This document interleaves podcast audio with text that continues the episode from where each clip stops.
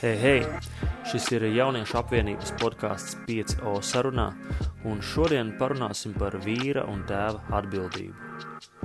Bieži vien sabiedrībā mēs dzirdam uzskatu, ka vīrietis ir ģimenes galva. Un tā ir patiesība, jo jau radīšanas stāstā mēs redzam, ka Dievs šādi iekārtoja ģimeni. Taču nereti sabiedrība šo interpretē nepareizi.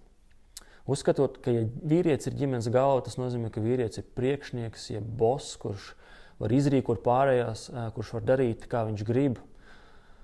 Bet patiesībā būt par ģimenes galvu nozīmē uzņemties atbildību. Uzņemties atbildību par ģimeni un būt atbildīgam pret ģimeni. Būt par vadītāju, kur viss, ko viņš dara, ir vērsts ģimenes kopējam labumam. Un šī atbildība ir tik smaga, ka daudz vīri zem tās sabrūk. Un patiesībā jau radīšanas stāstā mēs redzam, ka pirmais vīrietis Ādams neizturēja šo atbildības nastu. Un tā vietā, lai nepaņemtu šo aizliegto augli no sievas, kur tika piemānīta, viņš paklausīja sievai un vēlāk vainoja viņu par to. Arī mūsdienās daudzi vīri un tēvi uh, nespēja panest šo atbildības nastu, sabrūk zem tās, pamet ģimenes, uzkraujot to atbildību sievām un mātēm, kurām tālāk ir jāuzņemas vīru un tēvu lomu. Uzņemties atbildību ir tik smaga nasta, ka tā neapro, neaprobežojas tikai ar to, ka vīrietis ir ģimenes galva. Ir labs vīrs, ir labs tēvs, kurš rūpēs par ģimeni Tas iet vēl tālāk ar uzdevumu ieaudzināt šo savos dēlos, kuri kādu dienu arī būs vīri, kuriem ir jāuzņemas atbildība, kuri būs tēvi, kuriem ir jāuzņemas atbildība. Un ir skaidrs, ka šādi vīri un šādi tēvi nav nezāles, kur izaugt paši no sevis. Mums tas ir jāieaudzina mūsu dēlos, puišos, un tas ir diezgan grūts uzdevums, jo mums pašiem ir jābūt par piemēru. Skaidrs ir tas, ka puiši nemācās sēžot skolas solos, ja baznīcas solos. Tā nav vide, kur puiši iemācās. Puiši iemācās uh, praksē, ejot cauri grūtībām, piedzīvojot lietas uz savas ādas. Un esot kopā ar pieaugušiem vīriem, kuri spēja viņiem pārtulkot, kas bija tas, ko viņi piedzīvoja, kāpēc viņiem tas ir nepieciešams un kā tas viņiem palīdzēs tālāk dzīvē. Tieši tāpēc es redzu, ka Bepija drafts nometnes ir piemēram vieta, kur puiši piedzīvo kaut ko tādu, kas uh, izmaina viņus. Liekas, it kā tikai piecas dienas, bet šajā procesā notiek kaut kas tāds, ko mēs varētu nosaukt par iniciācijas procesu. Puiši iet cauri pārbaudījumiem, smagiem pārbaudījumiem, grūtībām, tādām, ka daudz no viņiem vēlas izstāties un braukt mājās. Bet viņi to dara kopā ar pieaugušiem vīriem, kur arī izdzīvo tos savas ādas un vēlāk um, izskaidroja, pārtulko, kas tas bija, ko viņi piedzīvoja un kā tas viņiem noderēs tālāk dzīvē. Jo kādu dienu uh, viņiem ģimenēs būs jāiztur grūtības, un viņi nedrīkstēs tā vienkārši izstāties. Šajās nometnēs uh, ar puišiem notiek kaut kas tāds, uh, ko pat ir grūti izskaidrot. Tāds paradoks, kur mēs varētu teikt, no vienas puses viņi piedzīvo to, ka viņi tiek salauzti, ka viņi ir vīlušies sevi, jo izrādās viņi nav tādi, kā viņi paši par sevi bija iedomājušies ka viņi nav karaļi, ka viņi nav pasaules nabas. Bet tajā pašā laikā viņi piedzīvo uzvaras, kur viņi ieraudzīja, ka viņi spēj daudz vairāk nekā viņi bija iedomājušies. Un ka viņos ir potenciāls, lielāks potenciāls nekā viņi paši domāja.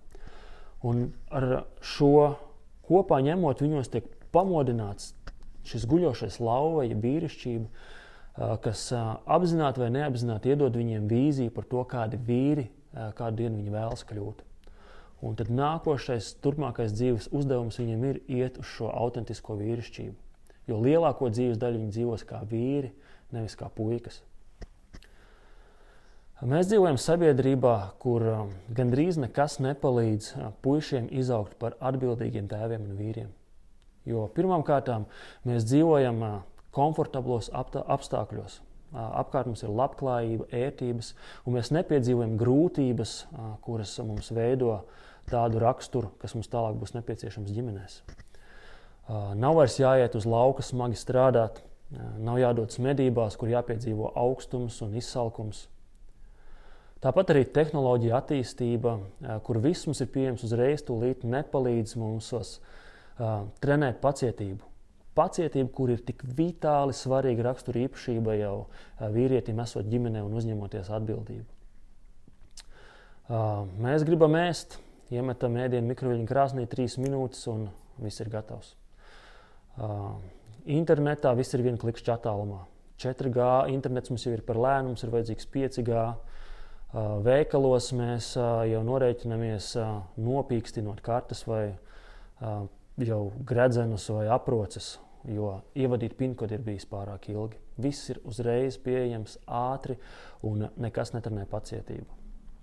Mūsu kā vīru un tēvu atbildība ir radīt šos apstākļus mūsu dēliem, kur viņi var trenēties pacietību, kur viņi var uh, iet cauri pārbaudījumiem, mācīties izturību, Bieži vien tas, tā ir vide, kuros viņi paši nevēlas atrasties, bet mums tā ir jārada.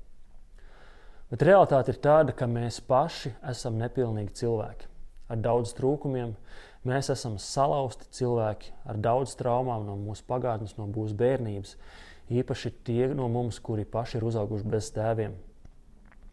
Un līdz ar to tas veids, kā mēs varam nodot šo pieredzi, ieaudzināt pacietību, atbildību, šīs svarīgās rakstura īpašības mūsu dēlos ir darīt to kopienā. Bībelē ir tāda pānta, kur teikts, ka tāpat kā dzelzs trina dzelzs, tā arī vīrs trina vīru. Tēvi, vīri sanākot kopā, rada vidi, kur viņi var nožēlot savas kļūdas, kur var mācīties no savām kļūdām, kur mēs varam iedrošināt viens otru, kur mēs varam mācīties viens no otra. Un šajā kopienā ieguldot savos dēlos, mēs varam radīt pilnīgāku bildi par to, kādam ir jābūt autentiskam vīrietim. Jo katram no mums ir dažādas stiprās puses, dažādas pozitīvās rakstura īpašības, kas rāda pilnīgāku bildi nekā viens salauzts indivīds.